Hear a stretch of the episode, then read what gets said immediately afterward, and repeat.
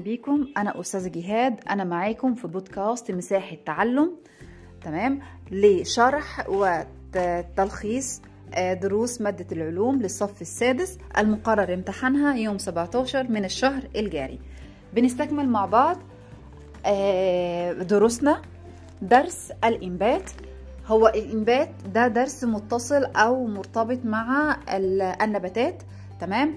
النباتات ال- الزهرية والتكاثر الجنسي في النباتات الزهرية. ممتاز. طيب اتفقنا؟ لما آه، اتكلمنا عن التكاثر الجنسي في النباتات الزهرية قلنا إن بمجرد ما بيحدث عملية التلقيح وبتتبعها عملية التخصيب تمام وإنتاج بويضة مخصبة بيتم تحول المبيض إلى ثمرة وبقية البذور بتحصل فيها إيه؟ بتبتدي إن هي تتحول إلى آه إلى بذور. آه يعني إيه بقية عفوا بقية البويضات بتبتدي إن هي تتحول إلى بذور. ومثلتها لكم قلت لكم زي ثمرة التفاح زي ثمرة الجوافة زي ثمرة المشمش زي ثمرة الخوخ البرقوق الموز. دي كلها عبارة عن مبيض آه زهرة تمام؟ بعد حدوث عملية التلقيح والإخصاب تحول هذا المبيض إلى ثمرة والبويضات الباقية هو أخذ بويضة واحدة بقية البويضات تحولت إلى إيه؟ تحولت إلى بذور طيب البذرة دي بقى مثلا أنت أكلت جوافة تمام؟ طيب ممكن أنت تزرع جوافة تاني من خلال ال- البذور اللي موجودة في الجوافة أنت أكلتها آه طبعا وعلى فكرة دي الطرق المستخدمة في الزراعة إن أنا باخد البذرة بتاعة الجوافة دي بنضفها وأظبطها وأحطها في ال- التربة أو بحطها في الطين تمام؟ وأبتدي إن أنا أراعيها أديها مية أعرضها مثلا لهواء لحد ما تبتدي إن هي تكبر وتديني إيه؟ تديني ثمرة جوافة أخرى. طيب ممتاز قوي يبقى البذرة دي ناخدها بقى بالتفصيل. عشان خاطر البذرة تديني ثمرة جديدة وتديني زهرة جديدة. لازم تتكون من إيه؟ أو هي بتتكون من إيه؟ بتتكون من ثلاث حاجات. واحد جنين. اتنين غلاف بذرة. تلاتة غذاء مخزن. لازم يكون فيها جنين. الجنين ده اللي هيبقى ثمرة جديدة. طيب لازم يكون الجنين ده غلاف لازم يكون. للجنين ده بيت يحميه. لازم يحميه طبعا من الجو البارد من الجو الحار. زي ما إحنا كده بنقعد في البيت تمام؟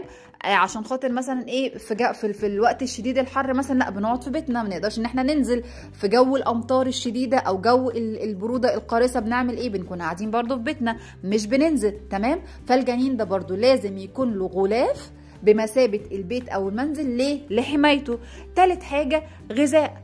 لازم يكون له غذاء عشان خاطر يتغذى عليه. ان هو مش هيبقى كده وخلاص. يعني هو كده قاعد ومتغلف أو قاعد في بيته. لا طب هيكبر إزاي؟ طب هيديني ثمره جوافة إزاي؟ يبقى لازم وجود غذاء لهذا الجنين عشان خاطر إيه؟ عشان خاطر يقدر إن هو يكبر. يبقى سؤال مما تتكون البذرة بتتكون من إيه البذرة بتاعتي؟ واحد جنين اتنين غلاف. للجنين. تلاتة غذاء مخزن. تمام؟ ممتاز. طيب. لو أنا بقى عايزة أستخدم البذرة بتاعتي دي لعملية الإنبات يعني عايزة أستخدمها أبتدي إن أنا أدخلها وأدورها عشان خاطر تنبت وتديني ثمرة جديدة. تمام؟ قلنا هنجيبها وهنحطها فين؟ هنحطها في طين أو تربة. خروج الجنين يعني خروج ثمرة جديدة تمام أو خروج برعم أو جزء أخضر من البذرة دي بيسمى الإنبات يبقى ما هو الإنبات؟ هو خروج الجنين تمام؟ هو خروج الجنين أو خروج جنين النبات أو خروج الجنين من البذرة ممتاز طيب هل في عوامل ممكن تأثر على الجنين ده؟ آه عندي عوامل داخلية وعندي عوامل داخلية وكلمة عوامل دي قلناها كتير جدا جدا جدا في الدروس السابقة. طيب عندي دروس داخلية أو عفوا عندي عوامل داخلية وعندي عوامل خارجية. طيب يعني إيه عوامل خارجية ويعني إيه عوامل داخلية؟ عوامل داخلية يعني من جوه البذرة نفسها داخل البذرة نفسها. حلو.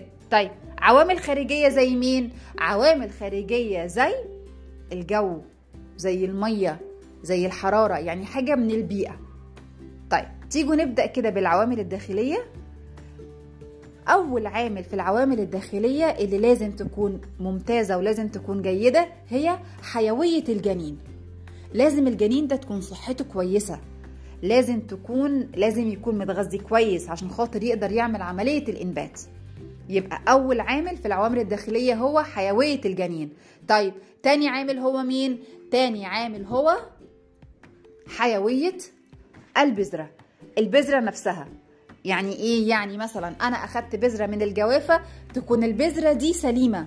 ما تكونش مثلا إيه؟ مكسورة. ما تكونش مثلا جافة. ما تكونش مثلا مصفرة. يعني إيه؟ تكون حالتها جيدة. تمام؟ يبقى العوامل الداخلية التي تؤثر على عملية الإنبات واحد حيوية الجنين اتنين حيوية البذرة. طيب إيه هي العوامل الخارجية اللي بتؤثر على عملية الإنبات؟ عوامل خارجية يعني عوامل جاية من البيئة الهواء المية الشمس التراب الرطوبة. واحد الحرارة. درجة الحرارة دي بتؤثر على نمو أو بتؤثر على الإنبات بشكل كبير قوي قوي قوي قوي يعني آه، مش في عندنا فاكهة بتكبر في أو مش بتكبر عفوا بتطلع عندي في فصل الصيف وفاكهة تانية بتطلع في فصل الشتاء؟ إيه اللي بيخلي دي في فصل الصيف وفصل الشتاء؟ يعني هل أنا أقدر أزرع بطيخ في الصيف في الشتاء؟ استحالة. لأن البذرة بتاعته ما تقدرش إن هي تنمو الجنين اللي موجود داخل بذرة البطيخ. ما يقدرش إن هو ينمو وينبت في فصل الشتاء لأن هو بيحتاج لجو دافي.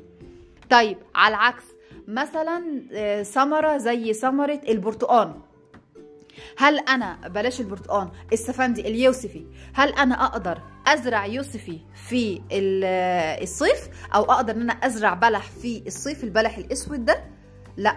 ليه؟ لأن الثمرة آه، لأن البذرة أو الجنين عشان خاطر يقوم بعملية الإنبات بيحتاج إلى جو بارد بيساعده على الإنبات.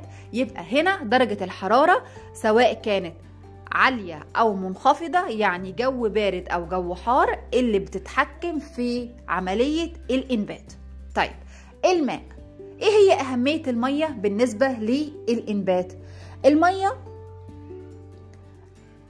بتعمل إيه؟ أول حاجة عشان خاطر تساعد عملية الإنبات بتلين بتذوب جدار الجنين. بتساعد كده ال- ال- ال- ال- الجدار اللي محيط بجنين البذرة عشان خاطر يقدر إيه؟ يقدر إن هو يطلع. بتبوشه. تمام؟ طيب حلو قوي.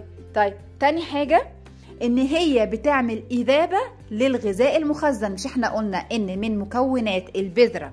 حاجة اسمها جنين وحاجة اسمها غلاف الجنين أو غلاف البذرة وحاجة اسمها غذاء مخزن أهي المية بتشتغل على حاجتين بتشتغل على الغلاف المحيط بالجنين وبتشتغل على الغذاء المخزن للجنين. طيب بتشتغل على غلاف الجنين إزاي؟ على غلاف البذرة إزاي؟ أو غلاف الجنين إزاي؟ بتدوبه بتلينه حتى تسهل خروج ال- الجنين تسهل للجنين ده إن هو يخرج ويقدر إن هو إيه؟ ينبت. طيب الغذاء بتعمل فيه إيه؟ بتقوم بإذابة الغذاء بتساعد كده الجنين لأن الغذاء بتاعه ده مخزن يعني مجمد فهي بتبتدي إن هي تدوبه عشان خاطر الجنين يقدر إن هو يستهلكه. حلو كده؟ تمام. إحنا كده خلصنا الإنبات تمام؟ هو هو هو درس صغير جدا. يعني هو بالظبط كده الدرس ممكن نقول سؤالين والسؤالين دولت أو الدرس ده مرتبط بالتكاثر في النباتات الزهرية. آه كده خلصنا ال- المقطع ده يعني خلصنا في الإنبات. بنستكمل مع بعض دروس أو مراجعة وتلخيص دروس الصف السادس لمادة العلوم. شكرا لكم أستاذة جهاد